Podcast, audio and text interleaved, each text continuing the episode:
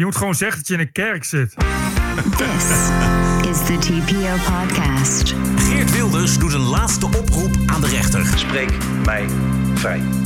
En een gesprek met een politicus, die begin je zo. Je gaat ook voor hem staan op een gegeven moment. Hij staat recht tegenover je. Waarom doe je dat? Omdat ik met hem in gesprek wil en hij negeert me. En Trump verwelkomt de pers na hun conventie van hun democratische partij. It's good to see you all. Hope you had a great weekend at your convention. Aflevering 188. Ranting and Reason. Bert Bresson, Roderick Phalo. This is the award-winning TPO podcast. Het is eh, maandagavond 24 augustus. Bert op zijn oude vertrouwde stek in the middle of nowhere op Gran Canaria. En ik zit bijna in een kerk of zo ergens in Italië. In het uiterste noorden van Italië. Klein eh, stadje met de naam eh, Canobbio op 4 kilometer van de grens met eh, Zwitserland. Eh, noem het vakantie. Is het bij jou ook zo heet? Het is hier eh, zeker d- 30 graden. En eh, voor de mensen die denken wat een raar geluid is dit. Maar het, het komt omdat ik, ik zit niet in de kerk, maar ik zit in een soort van kamertje van het appartement. En hier is de beste wifi, dus hier heb ik ook de beste connectie met Bert. En 4G, dat eh, is hier te zwak, dus dan maar op deze manier. Maar er is in ieder geval gewoon een nieuwe aflevering van de podcast. Ja, het galmt alleen een beetje, maar dat geeft niet. Vandaag heel Spanje en delen van Frankrijk op oranje. En dat geldt Ja. ook voor de Canarische eilanden, Bert. Voor het eerst volgens mij. Ja. Hoe voelt dat, oranje? komt? Ja, weet je hoe dat komt? Nou, sowieso oranje, je weet. Ik ben een groot voetbalfan, dus het voelt altijd goed als, Ja. eh, als het oranje is. En het Koningshuis ik draag ook altijd een enorm warm hart toe. Dus eh, oranje, het kan maar niet oranje genoeg zijn. Net als eh, de hittegode die hier al drie weken oranje is en nu overgaat naar rood. Waar het komt vooral doordat er eh, nu een nieuwe vluchtelingencrisis is. Wat vooral betekent dat er nu ongeveer honderden bootvluchtelingen per dag aankomen op de Canarische eilanden. Vooral op Gran Canaria, omdat nou, dat, dat nou eenmaal het grootste eiland is waar je als eerste aanmeert. Als je vanaf de Sahara de gevaarlijke oversteek eh, waagt. Ja. Die hebben allemaal meestal eh, corona. En die gaan in vluchtelingenopslagplaatsen die overvol zijn, waar te weinig personeel voor is, die niet verwerkt kunnen worden, et cetera, et cetera, et cetera. Dus het begint hier al een beetje op eh, een soort Moira in Lesbos te lijken. Oh. Dus je begrijpt dat het eh, coronagehalte met sprongen omhoog gaat. Jij hebt wel eens verteld in een van de uitzendingen van de, deze TPO-podcast dat d- er wel goed opgelet wordt door de Guardia Civil, door de kustwacht daar voor die Canarische eilanden. Ja, ja, ja. Het was eh, in de jaren negentig was het eh, precies zo'n bal. Dat waren de Spanjaarden zat. Eh, toen is het, eh, ah, hebben ze keiharde maatregelen genomen. En was het eh, eh, tot ongeveer tien jaar geleden was het echt nul. Er kwamen echt nul mensen hierheen. Dat had vooral te maken met de innige samenwerking die de Spanjaarden aangingen met Mauritanië. Eh, lees, daar ging heel veel geld naartoe. Eh, en als uh, in ruil daarvoor eh, hield Mauritanië alle vluchtelingen bij hun grens al tegen. En mochten Ja. alle vluchtelingen in Mauritanië verblijven. Ja. Dat is een beetje opgehouden. Eh, daarna hebben ze de Sahara, die grotendeels van Marokko is. Althans, Marokko vindt dat de Sahara grotendeels van Marokko is. Daarna hebben ze samenwerking, zijn ze ook aangegaan met Marokko. om de boel in de Sahara een beetje een, binnen, de, binnen perken te houden. Dat ging heel lang goed. Maar eh, de relatie met Marokko gaat elk jaar al iets slechter. Met als gevolg dat er ook eh, het tegenhouden van eh, vluchtelingen al iets slechter gaat. Eh, en als derde probleem is er ehm, de Guardia Civil die eh, daar de boel dus tegen moet houden. Samenwerking met andere landen. Eh, die heeft steeds grotere druk wordt uitgeoefend op eh, die, eh, die zone bij Melilla. Hoe heet dat? Melilla? Ja, die, ja, die- precies, ja. Waar, waar, waar de hekken steeds hoger worden. Ja. Maar Ja. vluchtelingen steeds, steeds, eh, steeds doldrieste bestormingen uitvoeren. ja, de Spaanse enclaves aan de kust eh, van Marokko, ja. Daar gaan, eh, gaat alle mankracht heen. Eh, en zoals alle, alle landen wordt ook in Spanje eh, bezuinigd op eh, de noodzakelijke leger- en politieeenheden. Eh, dat zijn eh, ongeveer drie redenen waarom het nu weer steeds slechter gaat. Eh, een, een vierde reden heeft vooral te maken met het feit dat dus eh, die Spaanse enclaves steeds onneembaarder worden. En je moet wel steeds wanhopig zijn wil je dat doen. Dus Ja. wat je ziet is dat vluchtelingen nu weer een nieuwe route kiezen. En dat is wederom dus de Canarische route waar mensensmokkelaars dus weer flink winst uitslaan. En eh, nou ja, eigenlijk is het zoals alle, alle, alle eh, routes en alle vluchtelingen. eh, NGO's zorgen voor aanzuigende werking. Ja. Ja, een nieuw humanitair drama. Ja, ja. Als, er, als, er niks, als er niks gebeurt en je kent de EU, er gaat niks gebeuren. Nee, nee. Ehm, daar gaan we nog eh, veel over horen, helaas. Je had het ook nog over code rood voor wat betreft de, tem- de temperatuur. Nou, ik heb hier een thermometer buiten hangen. Die hangt in de zon. En die gaf zaterdag al 50 graden aan. Verder gaat hij ook niet. En eh, van de week wordt het nog heter. Ik zit op het heetste plekje van heel het eiland. En er komt nu een hittegolf aan.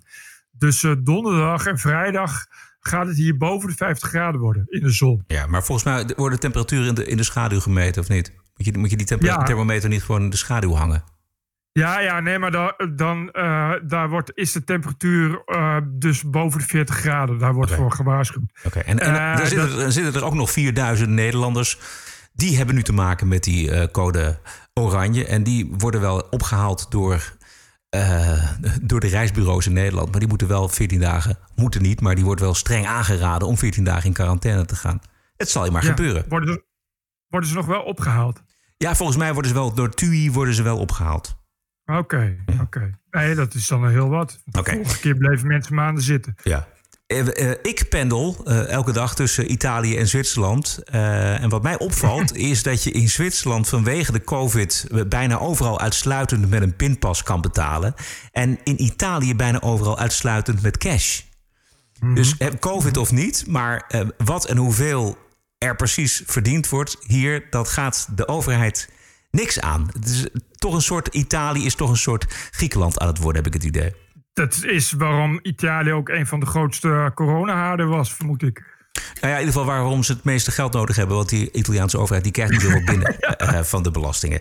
En waar de Italianen en de Zwitsers en de Duitsers, want daar ben ik ook geweest, dan weer wel eh, gedisciplineerd in zijn. eh, en dat maak ik mee in hotels en in restaurants en in winkels. Is het gebruik van de mondkapjes. Eh, in Amsterdam zijn er dit weekend 148 boetes uitgeschreven voor het niet dragen van een mondkapje. Een boete is eh, 95 euro volgens mij. Ik heb eh, eh, nogal wezenloos, ik weet niet of je, jij hebt het vast ook wel gezien, maar ik heb nogal wezenloos gekeken naar de protesten tegen het coronabeleid donderdag in Den Haag. Al waren het protesten. Nou, het waren- ik dacht, het waren protesten. eh, ik dacht een uitdagje voor eh, het Pieterbaancentrum. Ja. Maar eh, het is goed dat je zegt dat het protesten waren. Ja, de gedrag tegen politici. Dit is een van de demonstranten die omzicht lastig viel met uitleg bij Hart van Nederland SBS 6. Mag ik vragen waarom u geen anderhalve meter handhaaft? Nee, dat doet u niet. Dat doen jullie allemaal niet. En u verwacht het wel van ons. Kijk, nu kom je ook in mijn anderhalve meter. Je gaat ook voor hem staan op een gegeven moment. Hij staat recht tegenover je. Waarom doe je dat? Omdat ik met hem in gesprek wil en hij negeert me. Zou je doodslaan? Geef ze niet een zin. Geef ze niet een zin. Je hoort het, eh, ja, er is veel over Ja. gesproken. Maar hij zegt het echt. Ik zal je doodslaan, kankermongool. Tegen de man die zich Ja. als geen ander Kamerlid dag en nacht uit de naad werkt voor gewone mensen, zullen we maar zeggen. Tegen omzicht ook. Hè? Ja, tegen wel een hoop, een hoop Kamerleden waarvan je, als je dan toch van doodslaan houdt, dan, eh, dan eh, dat je dat soort dingen zegt, maar toch niet tegen omzicht. Denk, Nee. zou ik dan zeggen. Nee. Of all people. Ja. Eh, maar nee, ik, ik ben helemaal klaar. Ik heb het echt zo gehad met dat volk. Ik vind echt. eh, eh, ja, nou, ik, ik begrijp die ME volkomen. Ik zou ook, eh, als ik een knuppel had en daar eh, los wordt gelaten, dan ja. Op een gegeven moment is je grens wel, wel, wel op, denk ik. Ja, natuurlijk, precies. Maar wat je dan ziet vervolgens is dat er wordt teruggeslagen. Die ME heeft eigenlijk ook, ook niet het idee van dit is in de hand te houden. Het, er zit iets onverwachts in. En wat ik me dan op grote afstand afvraag is... dit is wel het gedrag wat je bijvoorbeeld ook bij de rellen... in de Schilderswijk en in Ziet. Het, het, het, het Yep. totaal, het, het totale gebrek aan respect voor de overheid. Deze mensen zijn ook gek. Dat kun je best op die mensen plakken. Maar ehm, ik vroeg me ook af, hoe kom je zo ver? Dat je werkelijk zo omgaat met politici, dat je die politici zo achterna zit... en dat je gewoon het gevecht aangaat met reporters van Pound... met de mobiele ja. eenheid. Ja, Mensen die zich onwaarschijnlijk misdragen. Ja, wat is dat? Wat zit erachter? Zit er meer achter dan alleen maar dom en ehm, eh, uitgelaten gedrag?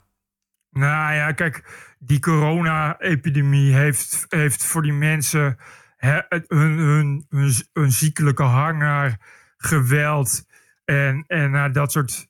Ja, dit zijn, dit zijn natuurlijk nogal geschifte mensen. En dat uit ze nu tegen, tegen, tegen overheid en tegen overheidsdienaren. Maar het, het zijn natuurlijk altijd mensen, mensen geweest die, die, zo, die altijd zo zijn. Ik, want volgens mij die eerste demonstraties, die waren er twee hè, van de week. Ja. Uh, dit, dit, is de, dit is de, dat, dat ze om zich lastigvallen was ook de dag dat er, dat er verder echt sprake was van buitensporig geweld in Den Haag tegen politie. Uh, en, maar daar zat volgens mij ook, ook een, een heel aantal hooligans tussen van, van, van een Behaagse voetbalclub. En daar kun je natuurlijk dezelfde vraag stellen. Wat is, wat is er mis met die mensen dat ze zo gewelddadig zijn? En, maar dat zijn ze gewoon. Dit zijn, dit zijn mensen die, die het niet allemaal op een rijtje hebben. En dat corona, de coronapandemie heeft, heeft die mensen gefocust nu op de overheid. Nu, nu zeggen ze, nu is ineens. Uh, de overheid wil ons onderdrukken en uh, weet ik veel, injecteren en chips implanteren en weet ik veel wat voor gelul. Maar ja, dat is, dat is alleen nu. Ik bedoel, voor, voordat, er, voordat er die pandemie er was, was het 5G en daarvoor was het 4G en 3G.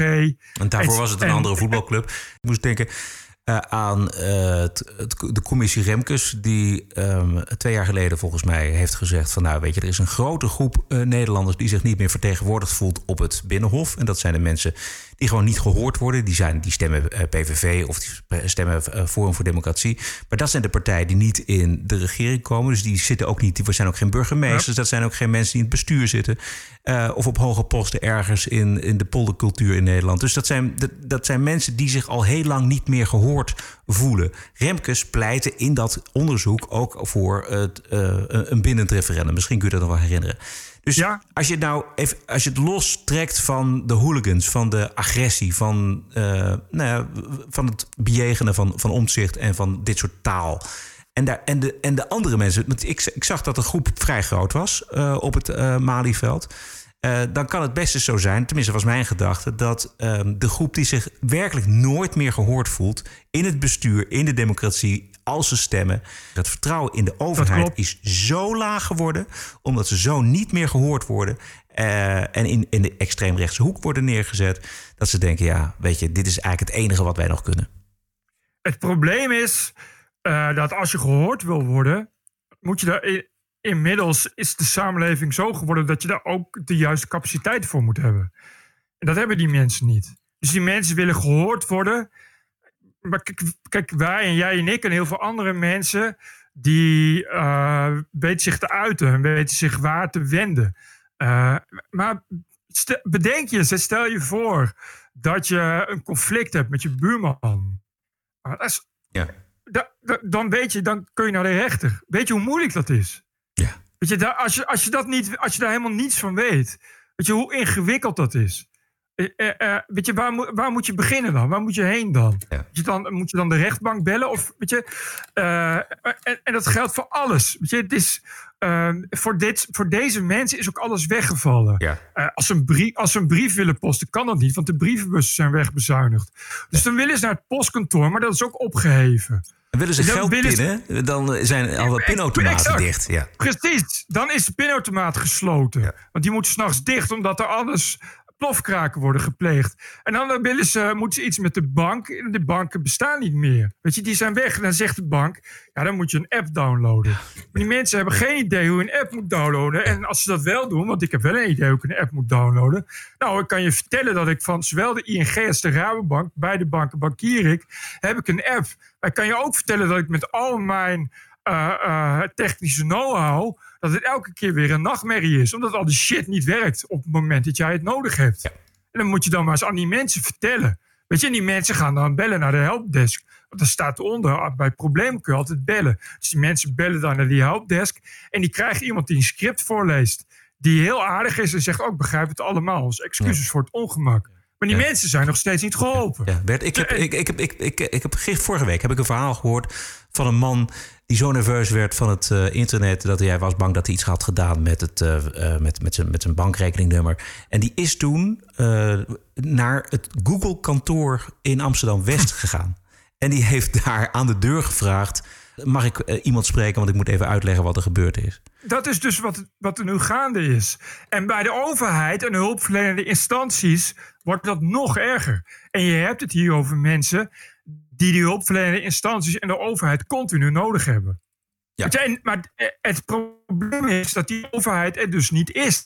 Dat zijn dus de mensen die slachtoffer werden van, van die uh, belastingjacht. Wat was het? De toeslagenaffaire. Die mensen hebben nog helemaal niets gehoord. Nog helemaal niets teruggekregen. Stel je voor dat je drie kinderen hebt en dat je van een uitkering leeft. En je, hebt, je bent failliet gegaan omdat je al je geld hebt je moeten afdragen aan de Belastingdienst. En je wist niet waarvoor. Want je begreep ook geen reet van die brieven. En je was namelijk ook nog onschuldig. En puur dankzij uh, één of twee journalisten, uh, die, die, die van RTL Nieuws en mensen bij Trouw en Pieter Omtzigt. Ik benadruk het nog maar eens, hè, dat er dus vier of vijf mensen zijn die zich hier hebben kapot gewerkt. Ja. Waarschijnlijk voor nul loon. Uh, dankzij dat. En dus, dus niet dankzij de NOS waar honderden mensen werken. Of een van die vele andere nieuwsorganisaties. Nee, dus dankzij mensen die dit op eigen houtje gaan uitzoeken.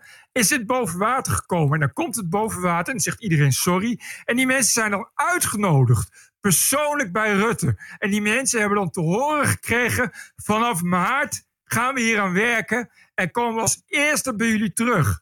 En nog steeds is er niemand bij die mensen teruggekomen. Nog steeds niet. En dit is ook de groep mensen die Remkes bedoelde in dat rapport. Die zei van er is een groeiende groep mensen die zich niet meer vertegenwoordigd voelt door de Nederlandse overheid. Dit is een veel groter probleem, veel groter maatschappelijk probleem, democratisch probleem, dan een demonstratie twee keer uh, ergens in Den Haag.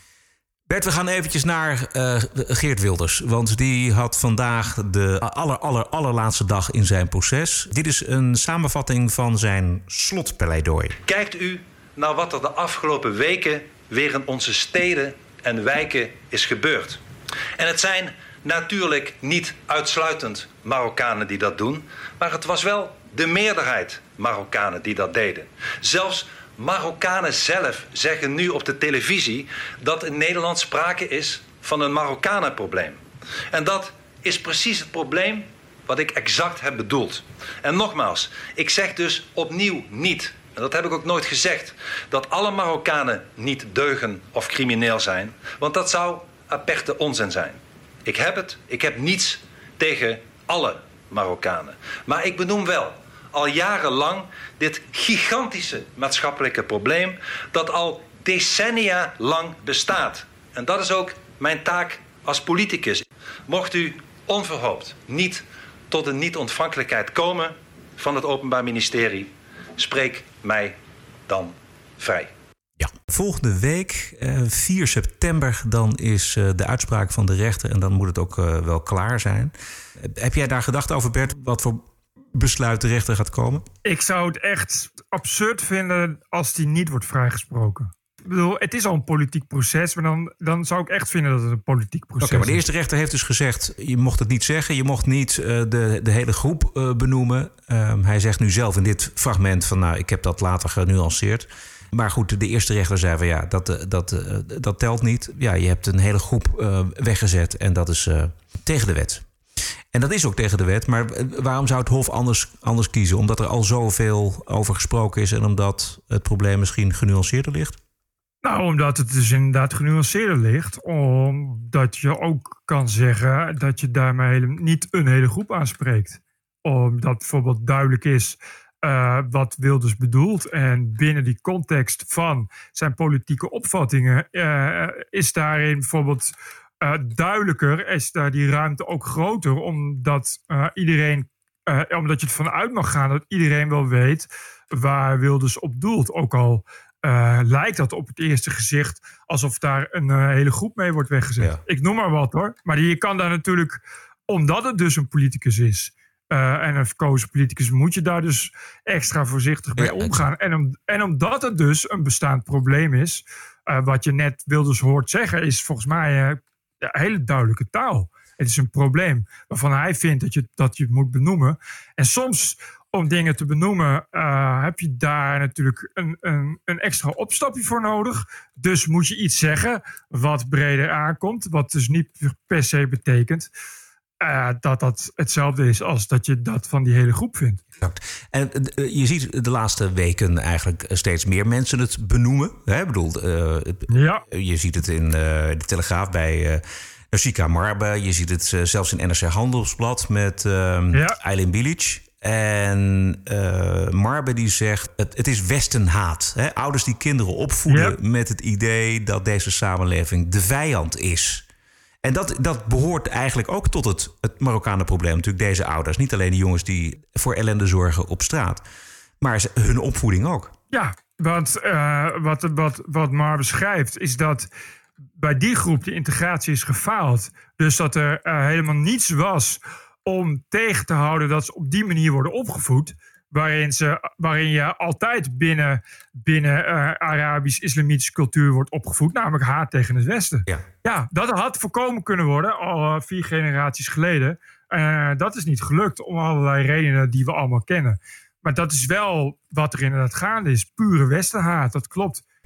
En die Bilic die had het ook in de NRC Handelsblad over de opvoeding. Eh, vooral bij jongens. Hè, jongens groeien op met het besef dat ze superieur zijn aan meisjes. eh, dat hun mannelijkheid en eer heilig zijn. Ik weet niet of jij toevallig het filmpje gezien hebt van dat knaapje. Wat eh, geïnterviewd werd. Ik weet niet welk kanaal dat is. Maar het ging best wel veel. eh, via de Twitter werd het verspreid.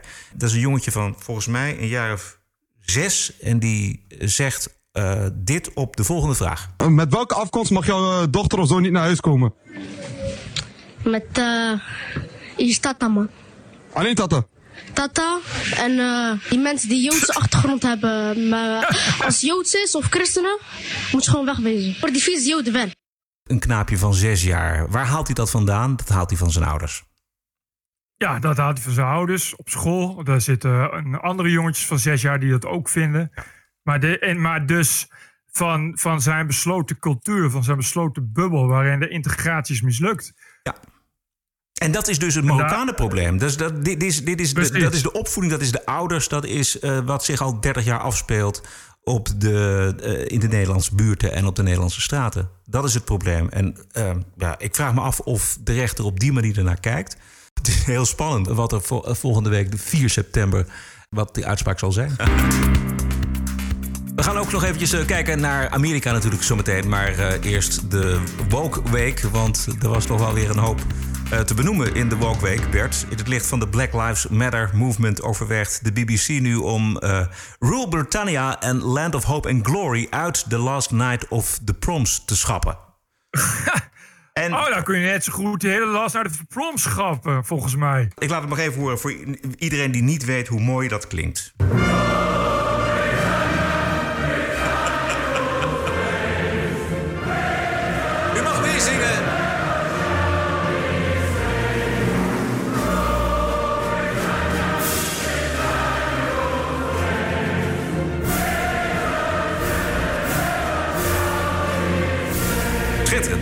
Organisatie vreest de associatie met het imperialisme en de slavernij. En de discussie is gestart door de eh, dirigenten van dit jaar. Ik weet niet of je dat toevallig ook gelezen hebt. Dat is een, zwarte dirigente uit Finland. En zij Oh, is een, eh, groot fan van Black Lives Matter. En zij is een van degenen die vindt dat de proms, tussen aanhalingstekens, gemoderniseerd moet worden. Maar daar, maar goed, daar heb je het al. Ja, kijk, jullie willen graag een, eh, een, een inclusief concert met een zwarte dirigenten. Nu heb je het, nu krijg je het. Weet je, dit is dan wat er gaat gebeuren. Je wilt inclusief zijn of niet. Maar als je, als je Rule Britannia en, eh, en, la- en eh, wat is het, Land of Hope and Glory gaat schrappen van Last Night of the Proms, is het Last Night of the Proms niet meer. Exact. Als we, als we zo gaan beginnen, Ja. dan ook AUB, de Radetzky Mars uit het nieuwjaarsconcert schrappen. Precies. Weet je? Ja. Be- bedoel, dan, bedoel, dan, als we toch bezig zijn, dan gaan we ook op nieuwjaar niet meer, niet meer schans springen in Garmisch-Partenkirchen. Dat kan gewoon lekker leuk ergens in Duitsland in een of andere fijne indoor skibaan. Ja, Weet je, dat, bedoel, dan gaan we het ook heel simpel houden. Exact. Rule Britannia en Land of Hope and Glory... die horen bij The Last Night of the Proms. Woke-cultuur is gewoon als een kanker. Dat woekert en tast alles aan. En vernietigt alles wat op zijn pad komt. En er is geen enkel medicijn tegen, te- eh, eh, voor, tegen beschikbaar. Dus als je inclusief wilt gaan doen, dan moet je beter drie keer nadenken. voordat je iemand aanneemt of, of, een, subsidie, eh, of een subsidiebeleid gaat stellen.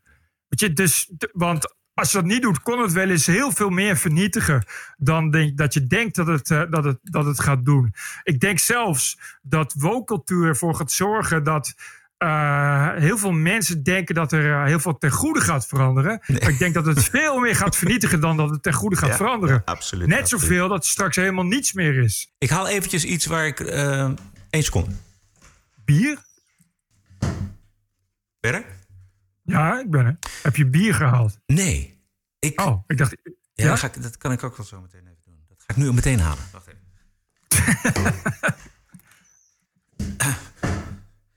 Heet jongen hier. Ach man, Mietje. Hier, hier is het pas heet. Hier kon het ook niet af s'nachts. Ik ben aan het lezen op vakantie. Het boek Ja? van Koos Huizen, Ode aan het Klootjesvolk. Uitgegeven Ja. bij Prometheus. Eh, populisme als smoesje van een falende elite. Het is natuurlijk één groot ja, aha-erlevenis wat je leest. Deze eh Koos Huizen, die is, dat is een historicus. Hij is eh, Kamerlid geweest voor de CAU en voor de Partij van de Arbeid. Hij is nog steeds volgens mij lid van de Partij van de Arbeid. Maar hij schrijft dus vanuit links, over links. En wat er de afgelopen 40, 50 jaar allemaal mis is gegaan bij links. En daarin zie je dus voortdurend parallellen ook met eh, de huidige tijd. Eh, onder andere dat radicalisme aan de linkerkant, nieuw links, wat in de jaren, eind jaren, zeven, eind jaren 60, begin jaren 70 opkwam. En hoe die de hele Partij van de Arbeid eh, om zeep heeft gehaald eigenlijk. En weggehouden heeft bij het klootjesvolk. Het is fascinerend om te zien hoe links, en ik, dat is mijn connectie ook met de woke-cultuur hoe radicaal dat is en hoe makkelijk mensen meebuigen en hoe moeilijk het verzet is. Omdat er dus, eh, net als bij eh, Nieuw Links vroeger, ehm, ook die hele schaamtecultuur werd, eh, uit de kast werd gehaald. Dus mensen werden gewoon op vergaderingen, overal in het land, werden ze gewoon weggezet als verdacht, als fascist, als onsympathiek. Dus de, de, de, de persoonlijke aanvallen waren enorm. Natuurlijk komt ook hier de ehm, kwestie Buikhuizen weer uitvoerig aan, aan bod. Hè, dat is echt wel een klassiek voorbeeld van eh, hoe linkse intelligentsia eh, andere mensen kapot maken. Ehm, en dat zie je eigenlijk nu ook gebeuren, gebeuren bij die, woke, die hele woke-cultuur natuurlijk. Op het moment dat je zegt van nou ja, laten we even nog even nadenken over of we Land of Hope and Glory uit de eh, Night of the Proms halen, dan ben je onmiddellijk natuurlijk verdacht. Dan ben je iemand die voor slavernij is. Dus dan word je verdacht gemaakt. Ronald Plasterk schrijft tegenwoordig ook dit soort columns in de Telegraaf. Ja, dat is waar. En dat is dus ook een, ook een PvdA. Maar die, eh, die, die beschreef laat, had laatst ook een column waarin hij dus inderdaad beschreef hoe dat in de jaren zeventig allemaal begon. eh, met met eh, feministen en vrouwenrechten. Eh, dat ineens binnen de fractie waar hij zat het alleen nog maar daarover mocht gaan. En het werd dan ook uit handen gegeven aan het, eh, aan het eh, feministisch-lesbisch plaatselijk pottencollectief.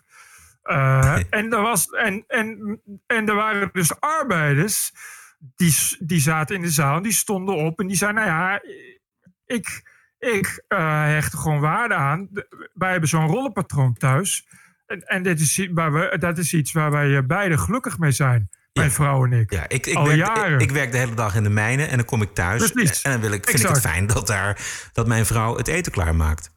Precies. Nou, en eh, dat soort mensen moesten dan kapot. Ja. En dat, maar dat was, dat was wel de doelgroep. Dat waren de arbeiders. Ja, dat waren de mensen die zeiden... we hebben werkelijk geen flauw idee... wat het voor modernistisch gelul is... over feministen en vrouwen. Maar bij mij is het zo dat ik gewoon inderdaad naar de mijnen ga... naar het magazijn... en dat mijn vrouw dan de kinderen opvoedt. Ja. Het zou leuk zijn als de PvdA... daarom heb ik jullie, op jullie gestemd... zich daar dan ook een beetje zo over, over ontfermt. Ja, toen ging het allemaal mis. Precies, dat is de linkse intelligentsia die dus eh, de, de oude garde wegzet als het klootjesvolk. Je zag het ook aan eh, als je de, de videobeelden onder andere van Andy No wel eens eh, ziet, Antifa en de eh, BLM-protesten. Dan zie je ook dat transgenders zich helemaal te buiten gaan aan scheldpartijen richting gewone po- zwarte politieagenten. Hè, dat zij er niks van begrijpen, dat, ehm, ze nog, dat ze te dom zijn om een boek te lezen. Dat is dezelfde Ja. houding. Ja, eh, maar zo gaat het keer op keer op keer. Maar dat heeft natuurlijk ook wel alle trekken van een religie.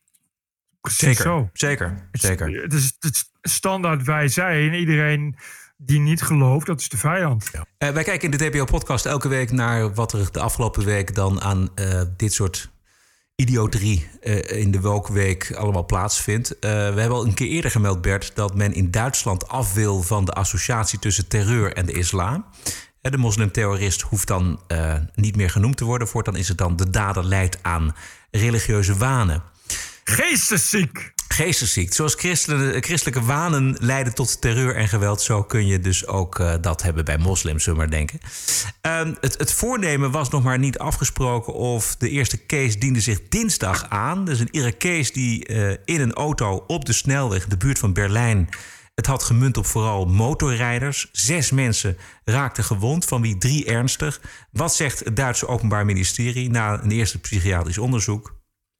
Snelwegterrorist leidt aan religieuze wanen. Religieuze wanen. Ja. Mind you, dit is iemand die uitstapte en Allah Akbar riep. Ja. Religieuze wanen. Een asielzoeker uit Irak. Die bekend stond overigens, bekende van de politie wegens geweldsmisdrijven. Religieuze wanen. Netflix, nog eentje. Want jij had, die had jij eh, ingestuurd, volgens mij. Eh, Netflix. Ja, die heeft e- die excuses aangeboden na ophef over promo, eh, promotiemateriaal. Oh, ja. Cute of van cuties. ja, de nieuwe film Cuties. Over kinderen die het helemaal gaan maken in een dansclubje. Vertel even. Het is, oké, ja, dit is, eh, ik, ik weet niet, het is een Franse film volgens mij. Ja. Of, of een serie, of elk geval een documentaire, soort van, achtig. eh, over over hele minderjarige kinderen, 11, 12, die dus inderdaad in de, ja, de dans en entertainment werken, want hun ouders willen dat graag en die kinderen willen dat graag. En hey, wie wil er niet een nieuwe eh, superster worden? En wat er gebeurt is dat die kinderen natuurlijk enorm worden gecommercialiseerd. Dus ook enorm worden geseksualiseerd. Want ja, seks zelfs. Dus het gaat over hoe eh, jonge kinderen steeds jonger ook geseksualiseerd worden, worden neergezet. Dus, Ja. dus, dus ook op posters. En, en ja, dat, dus meisjes, meisjes in nietsvullende, meisjes van elf in nietsvullende kleding die eh paaldansen en stripteases doen. Die film eh, is gemaakt, dat is leuk om te zeggen, door een zwarte regisseuse. Die, een feministe, die, die die film heeft gemaakt om dus het debat aan te zwengelen over het feit dat kinderen op steeds jongere leeftijd worden geseksualiseerd Ja. en vercommercialiseerd. Ja. Dit, is, dit is belangrijk, want nu komt het. Eh, Netflix had daar een trailer van gemaakt en een aankondiging. En daarop op zag je die, die. Dat ging geloof ik om de filmposter. Zag je dus inderdaad eh, meisjes van rond de 11 in niets verhullende kleding. Op nogal eh, seksuele poses bezig eh, met ja, duidelijk wat dansen was. Waar die film over gaat. Maar precies waar die film over gaat. En daar waren mensen dus boos over. Omdat ze dat nogal seksualiserend en commercialiserend van jonge kinderen vonden. Dus wat je nu hebt is dat mensen boos zijn dat een film die gaat over seksualisering en commercialisering van 11-jarige kinderen. eh, te veel gaat over vercommercialisering en seksualisering van 11-jarige kinderen. Snap je het nog een beetje? Ja, precies. Die Dus als je zijn iets dus aankaart- boos over. Exact. Ja, dat. Je kan niks meer aankaarten, want dat alleen al het feit eh, dat je. Want je moet iets noemen wat je aankaart, natuurlijk. Nou, het feit dat je dat noemt, dat is al natuurlijk een goed probleem. Dus je kunt eigenlijk niks meer aankaarten. Exact. Maar ik, en, en dat Netflix daarvoor excuses aanbiedt, is heel ernstig. Want we hebben dus al te maken met een steeds groter groeiende groep. Eh, waarvoor kunst gewoon niet meer, niet meer geschikt is. Ja. Omdat die het gewoon weigeren te begrijpen. Ook daar ook dat niet meer kunnen begrijpen. Dat merk je dus. Je kan dus niet meer eh, een, een film gebruiken als aanklacht tegen iets. Omdat het domme volk dat gewoon niet meer snapt. Wat een aanklacht maken tegen iets is. Ja, en dat, dat, dat het domme volk dat niet snapt, is één. Maar dat je als Netflix daaraan toegeeft, dat is het werkelijke probleem. Namelijk, Dat is heel ernstig. Want het, alles was in orde, weet je wel. Die film was gemaakt, het promotiemateriaal was er, de trailer was er inderdaad, wat jij zegt. Alles was in orde, iedereen was ermee akkoord. En dan toch weer via sociale media werd er een, was dit opeens een probleem. En wat doet zo'n organisatie dan? Wat doet Netflix? Die luistert ernaar en die gaat zijn excuses aanbieden en die gaat de boel omgooien. Ja, dat is... Ik, ik snap ja, dat gewoon niet. Angst! Ik, ja, ik snap gewoon Nee. niet dat je door anderen door, de, door echt hele domme anderen je eigen filmposters laat censureren. Precies, de les laat dat je dat lezen. ook wil. Ja. Dat je dat ook wil. Dat begrijp ik gewoon niet. Dat begrijp ik gewoon niet. Eh, ik las nog een, een goed interview met Piet Emmer. Piet is dat toch, hè? Die oud-hoogleraar slavernij. Ja, zeker, ja. ja. Waar, In het AD. Oké. In het, eh, omdat eh, hij wordt dus- dus kapot gemaakt, nog steeds, wederom. Door Gerry Eikhoff. Onder andere door Gerry Eikhoff. Hij heeft wederom nog maar eens een keer uitgelegd. eh, dat hij het gewoon heel jammer vindt dat hij als, als, als wetenschapper, wat hij is, niet een nuance mag aanbrengen in wat nu het discours eh, overheerst. Oké, heel En- goed. Ja. En onder andere is dat dus dat hij zegt van je moet oppassen door eh, met de, die, die geschiedenis en die historie als een soort simpel zwart-wit verhaaltje te trekken. En bij slavernij eh, een soort van eenzijdige maatstaf te hanteren van leed is leed. Eh, en hij zegt bijvoorbeeld van, kijk, er is bekend hoe slaven in die tijd vervoerd werden op een schip.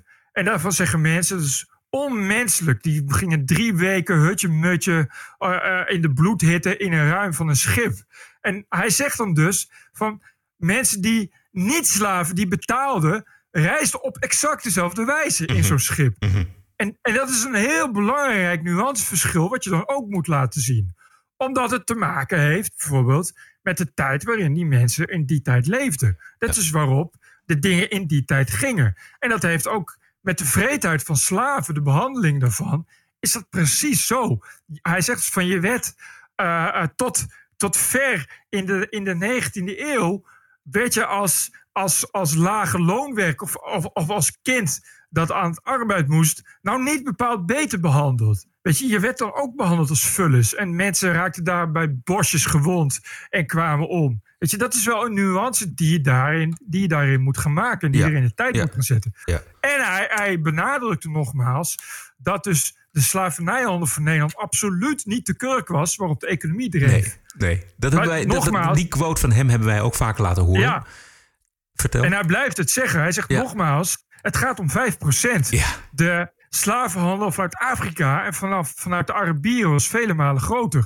En eh, de Nederlanders hebben vooral extreem veel geld verdiend in 1700, die tijd, door dus inderdaad ja, bankieren, eh, tulpen, hout, Ja. specerij, whatever. Waar, Waarin de Nederlander goed in is, zou ik maar zeggen. ja. En hij blijft het zeggen. En, en ja, hij wordt natuurlijk ja, op zijn buikhuis eens kapot doorgemaakt. Ook door mede- medewetenschappers die dat natuurlijk vinden dat je dat niet mag zeggen. En je weet natuurlijk dat er heel veel medewetenschappers zijn van hem die dat ook vinden, ook weten en dat dus niet durven te zeggen. Ja, ja. En dat is natuurlijk het pijnlijke eraan. Ja. Boverigens, eh, hij benadrukt ook, en dat wilde hij toch, dat vond ik goed dat hij zegt, dat hij zei ja. Ik word nu wel telkens in een rechtse hoek gedrukt, een extreemrechtse hoek. Maar ik vind zelf helemaal niet dat ik daar iets heb te Nee, zoeken. het nee, enige nee, nee. wat ik doe, Ja. is dat ik. Hij zegt van nou, ik, ik heb, ik heb een, echt ook een hart voor, voor, voor, eh, voor geschiedenis, voor historische wetenschap. En ik wil graag aan de mensen overbrengen hoe je hi- historie door heel veel brillen kunt zien. En ik zou het gewoon heel erg fijn vinden als mensen ook leren eh, dat je. Eh, eh, activisme en het daaruit cherrypicken van die wetenschap, dat dat echt geen goed idee is. Nee, en dat die wetenschap veel ingewikkelder is en veel genuanceerder ligt dan dit soort activisme nu, nu ineens gaan lopen roepen. En ook niet alleen activisten, maar dus ook een NOS-verslaggever... die dus eh, deze man gewoon een racistische professor noemt. Het is, Ja, het- maar wat het- dan ook een activist is ja. natuurlijk. Ja, ja, zeker. Ik, ik kom toch weer even terug op dat boek Ode aan het Klootjesvolk van Kooshuizen. Maar dit is allemaal al een keer gebeurd, Bert. Dus je- je- Precies. Het is, het is gewoon het, het, het blamen en shamen... eh, wat nu massaal gebeurt op eh, sociale media. Daar, dat, dat was in de tijd van Buikhuis was het nog niet. Het is de tactiek om eh, mensen uit te schakelen. Ja, het gebeurt weer. Ja, het gebeurt weer. Het gebeurt precies. weer op dezelfde, op dezelfde ja, bijna terroristische Ja. wijze. TPO Podcast. Straks de arrestatie van Steve Bannon. President Trump's former advisor Steve Bannon was arrested this morning in an alleged online fundraising scheme. Maar eerst waarderen en doneren. De TPO-podcast. Een eigenzinnige kijk op het nieuws en de nieuwsmedia. Elke dinsdag, elke week, het hele jaar door. Zonder reclame, zonder een cent subsidie. 100% onafhankelijk. Wat is het jou waard? Word lid van de TPO-tribe. Kies zelf een bedrag of kies 52 euro per jaar. En dat is maar 1 euro per week. De TPO-podcast. Wat is het je waard? Ga naar tpo.nl slash podcast. En wil je donatie toelichten? Dat kan. Heb je commentaar? Ons e-mailadres is info tpo.nl. Bert. Ja, de- eh, nul. Wat zeg je? Ja, het is eh, vakantietijd. Ik zal eens kijken of ik misschien... eh, even kijken hoor, want soms vergeet ik het wel eens. eh, Maar er is wel gedoneerd. eh, ja, ja, er, wordt wel gedoneerd. Maar eh, nee, het aantal mensen dat een mailtje stuurt over donaties... is maar een klein percentage van het aantal mensen wat doneert. Ja.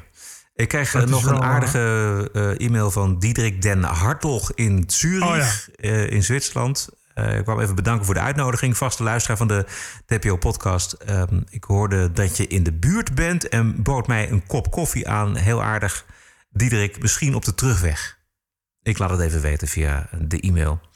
Maar ik, kan me voorstellen dat er een hoop mensen op vakantie zijn. En als ze thuiskomen, ligt er zo'n stapeltje met TPO-podcasts. En dan, die moeten ze allemaal weer afluisteren. En dan gaan, ze, gaan mensen wel vanzelf wel weer schrijven, denk ik. Oké, wilt u ondersteuner worden van de TPO-podcast? Eh, dat kan voor een euro per week, 52 euro per jaar... of een bedrag naar eigen keuze. Kijk op tpo.nl slash podcast. En wilt u uw donatie toelichten? Dat vinden we leuk. E-mailen. Ons adres is info.tpo.nl. This is us. This is our country. This is CNN breaking news. I believe that the president is literally an existential threat. Stop the hammering out there. Who's got a hammer? Make America great again. New York Times and CNN have also smeared veterans like myself. This video was taken during a heated exchange with an unidentified man who called Cuomo Fredo. Stop the hammering. This is the TPO podcast. News 630 WMAL Washington. Nog eh, twee maanden en één week voor de Amerikaanse presidentsverkiezingen. Voor zover je de polls mag geloven, loopt Trump zijn achterstand op Joe Biden in. Deze week de Republikeinse conventie, eh, waar Trump officieel dan kandidaat zal worden. Afgelopen week was eh, de Democratische conventie. Nog even een korte terugblik. Oh, wat was de Nederlandse journalistiek toch weer verliefd op Michelle Obama. Zij hield een toespraak. Komt ze. I want to start by thanking Harvey Weinstein for organizing this Uh. amazing day. Oh. Harvey. Oh, wacht. This is possible because of Harvey. Uh, he is a wonderful human being, a good friend, and uh, just a powerhouse. And the fact that he and his team took the time to make this happen for all of you should say something not about me or about this place, but about you. All right, everybody, we are here because of you. Ja, sorry. Dit was het, de verkeerde Oh, Michelle. instap. Het verkeerde bandje. Dit was wel Michelle Obama, maar op een ander moment haar lofrede op Harvey Weinstein. Eh, dit is haar video, stukje van de afgelopen week. Let me be as honest and clear as I possibly can. Donald Trump is the wrong president for our country. He has had more than enough time to prove that he can do the job, but he is clearly in over his head. He cannot meet this moment. He simply cannot be who we need him to be for us. It is what it is. Ja. Ehm, ik moet zeggen, eh, tamelijk obligaat en voorspelbaar praatje. Ik, ik, kan Weinig, eh, ja, ik kan die adoratie voor deze dame helemaal niet aanvoelen. Haar man, oké. Ik bedoel, die heeft wel geschiedenis gemaakt. Maar zijn vrouw, nee. ik vind het weinig spectaculair ook of zo. Eh, Precies. En over spectaculair gesproken. Dus ik, er is een andere zwarte vrouw. Dat is werkelijk een sensatie. Haar naam is Kimberly Classic. En zij gaat voor afgevaardigde voor eh, de stad Baltimore. Voor de Republikeinse Partij. Haar video is al 10 miljoen keer bekeken. En daar is een reden voor. Want we zien, ik zal het even schetsen. We zien een zwarte vrouw in een rode jurk. door een totaal, eh, totale afbraakbuurt in Baltimore lopen. En zij gaat tekeer tegen de Democraten. die die stad al decennia lang besturen. Met alle armoede, alle criminaliteit, alle ellende van dien. Ik heb eh, de videoclip teruggemonteerd tot een minuut. I'm Kim Klasick. This is Baltimore, the real Baltimore. This is the reality for black people every single day. crumbling infrastructure, abandoned homes, poverty, and crime. Baltimore has been run by the Democrat Party for 53 years. What is the result of their decades of leadership? Baltimore is one of the top five most dangerous cities in America. The murder rate in Baltimore is 10 times the U.S. average. The Baltimore poverty rate is over 20%. Homicide, drug, and alcohol deaths are skyrocketing in our city. Go to any Baltimore neighborhood and ask this question Do you want to defund the police? What are you going to defund the police for? Why? How do you defend your city, your community? The worst place for a black person to live in America is a Democrat controlled city. I'm Kim Klacik, and I'm running for Congress because I actually care about black lives. All black lives matter. Our communities matter. Baltimore matters. And black people don't have to vote Democrat. Yeah! Kimberly Classic heet ze. Wat een powerhouse. Eh, dit is een totale powerhouse. Eh, ze is te zien op YouTube. Eh, ik zou zeggen, volg haar op Twitter. Dit is een nieuwe sensatie. Ze gaat spreken ook volgende week. deze week moet ik zeggen. Op de Republikeinse Conventie gaat ze spreken. Ze ziet er fantastisch uit. En ze is een geweldige vertegenwoordiger van Zwart Amerika. Maar dan voor de Republikeinse Partij. Maar wat wil ze burgemeester worden? Ze wil niet burgemeester worden. Ze wil afgevaardigde worden van het district Baltimore. Oh, ze wil gewoon in de. Oh, Oké, ze wil gewoon de echte politiek in. Ja, exact. Ja, ja. ja ik, ik begrijp echt dat mensen op 53 jaar Democraten ja. gaan stemmen in Baltimore. Ja, dat is ongelooflijk. Ongelooflijk. Ja, dus, dat is, ja, ja, het, is de, het, is de meest, het is de meest, een van de gevaarlijkste steden van uh, de Verenigde Staten. En als je ook ziet waardoor zij loopt, die buurten waar ze loopt, dat is allemaal dichtgetimmerd, allemaal. En dat zijn dan, dat is, een, dat is links uh, bestuur, is dat. En dat is al voor zo lang. En zij heeft het over corruptie en ze heeft het over, over mismanagement en over geld wat niet goed wordt besteed.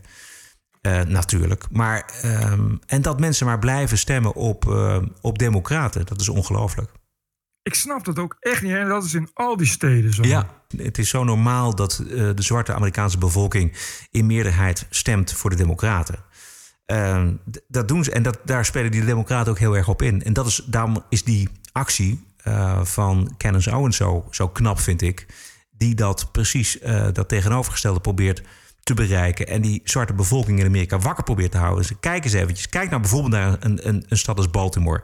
Hoe, hoe, eh, hoe diep de ellende is waar jullie in zitten. En jullie blijven maar steeds de democraten als bestuur kiezen. En je ziet het ook eigenlijk ook... Uh, dat, dat vind ik interessant aan deze tijd ook. Aan die filmpjes op internet. Je ziet waar het misgaat in Amerika. Dat zijn de steden die geregeerd worden door de Democratische Partij. Daar is het ja. één doffe ellende. Of het nou gaat over Chicago of over uh, Seattle of over Portland. Dit kader even naar Chicago. Het, uh, het beroemde boek van George Orwell, Animal Farm, volstrekt zich in Chicago, waar de zwarte yep. democratische burgemeester Lori Lightfoot het geweld en de gewelddadige demonstranten eerst ontkende, weet je nog, en vervolgens ja, ja. toejuichte, maar uiteindelijk de buurt waar ze woont voor demonstranten hermetisch afsluit omdat ze zich bedreigd voelt. Everybody's equal, but some are more equal than others. En dit is haar uitleg. This is a different time like no other.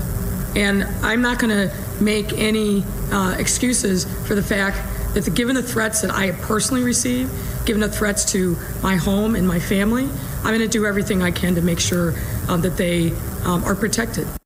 Nou, als dit nog geen hypocrisie is, dan weet ik het niet meer. Mensen zijn echt doordrongen van het idee dat democraten beter zijn. Dat dat goed is. Ja, waarschijnlijk. Dat je, ja, ja, maar een slecht mens bent als je, als je republikein ja, stemt. Ja. Maar deze Lloyd Lightfoot, deze burgemeester van Chicago... die werkte wel heel hard aan om dat beeld bij te stellen. En terecht natuurlijk. De burgemeester van Chicago wil heel graag nogmaals uh, bij iedereen laten doordringen... dat Black Lives Matter een vreedzame protestbeweging is. Je zou dus denken dat ze dan ook toch welkom zijn eh, bij de burgemeesterswoning. Ja. Maar dan ineens blijkt dus dat, dat het te bedreigend voor mevrouw is. Dus het is een beetje raar dat je daar dan in de rest van Chicago niks over mag zeggen. Ja, het is nog erger. Want kijk, Chicago vervolgt ruilschoppers en plunderaars niet... die winkels leegroven en in de fik steken en politieagenten aanvallen... Maar deze Madame Lightfoot die zet wel agenten in om haar eigen tuintje veilig te stellen. Ho, ho, ho, zijn je winkels leegroven? Het Ja. zijn herstelbetalingen. herstelbetalingen. Ja. Even nog een eh, tegenslag voor de president, Bert.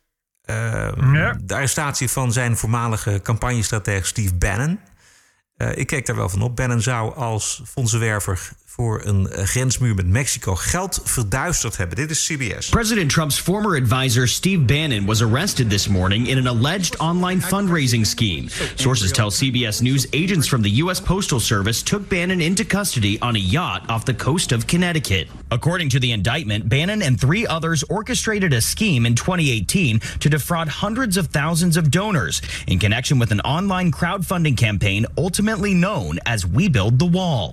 Ja, Bannon heeft ontkend. Hij zegt, eh, ik heb dat geld niet verduisterd. Eh, hij zal ongetwijfeld een hoop geld hebben opgehaald met zijn andere eh, maten. Maar ja, we moeten maar even kijken. Het is een onderzoek in ieder geval. Hij is wel gearresteerd. Ik, vind, ik vond het wel opvallend, moet ik zeggen.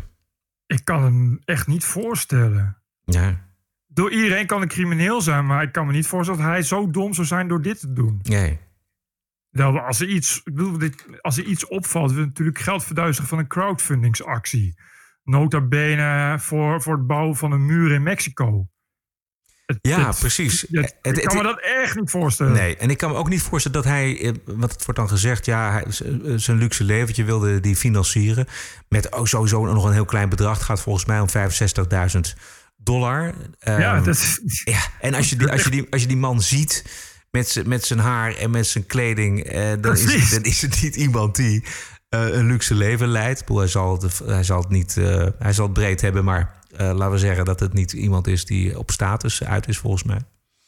nee, maar dat, dat is hij ook niet. Nee. En, en dit is natuurlijk, het is, het is gewoon een ideoloog. Ja. En ik kan me gewoon, ik, snap, ik kan me niet voorstellen, dat, weet je dat wat ik zeg. En als je dan eh 100 miljoen buit maakt bij een, bij een, bij een, eh, bij een eh, geraffineerde, geraffineerde roof of zo, dat snap ik dat je daar dan misschien nog in terecht kan of zo. Maar dit, je gaat toch niet voor 65.000 euro notabene bij, bij een openbare, weet je, iedereen weet ook dat Steve Bannon dat is. Ja. Dus, de- dus je, je, het is niet dat je je geld overmaakt. Dat je denkt van, bij wie komt dat eigenlijk eerst terecht? Je weet dat komt bij Steve Bannon terecht. Weet je, dat ben je wel heel dom. Bovendien, zo weinig geld, dat klinkt meer als een soort, soort misverstand. Ja, Je, het- Door het verkeerd wegschrijven en, en eh, verkeerd komma zetten. Ja, zoiets. Of in elk geval eh, het verduisteren door een boekenhouder. Maar Ja. maar ja, ik zeg, geen, geen stijl schreef al. Deep State trekt Steve Bannon in een busje. Dat vond ik eigenlijk wel geinig. Ja. Je, zou, er- je zou er toch aan kunnen denken dat er, eh, dat er meer speelt. Ja. Dat ze in elk geval blij zijn dat ze iets hebben gevonden om Steve Bannon te, Nou, kunnen precies. oppakken. Dat zou goed kunnen. En de vraag is dan ook natuurlijk ook hoe schadelijk is dit voor president eh, Trump? Eh, nou, eh, Trump die had natuurlijk al lang afstand genomen van, van Bannon. En dat kan de schade voor Trump aanzienlijk beperken, denk ik. I think it's a uh, very sad thing for Mr. Bannon. Speaking from the Oval Office, President Trump distanced himself from the project and Bannon. I know nothing about the project other than I didn't like when I read about it. I didn't like it. I said this is for government. This isn't for private people. And it sounded to me like showboating. Prosecutors say Bannon and his co defendants raised more than $25 million to build the wall, but instead used the money to fund a lavish lifestyle and even took steps to conceal the scheme. Oké Bert, we laten het hierbij. Eh, tot zover deze aflevering 188. Wij bedanken iedereen die deze week gedoneerd heeft aan de TPO-podcast. Dat kan anoniem, dat kan ook met naam en toenaam. In dat laatste geval laat het ons vooral weten via een berichtje. Ons adres info.tpo.nl Financiële ondersteuning kan op een aantal manieren. Kijk op tpo.nl slash podcast. We zijn terug dinsdag 1 september vanuit Italië en Gran Canaria. Heb een mooie week en tot dinsdag. Ook jij, maar zo geloof. TPO Podcast. Bert Bruson, Roderick Balo, Ranting and Reason.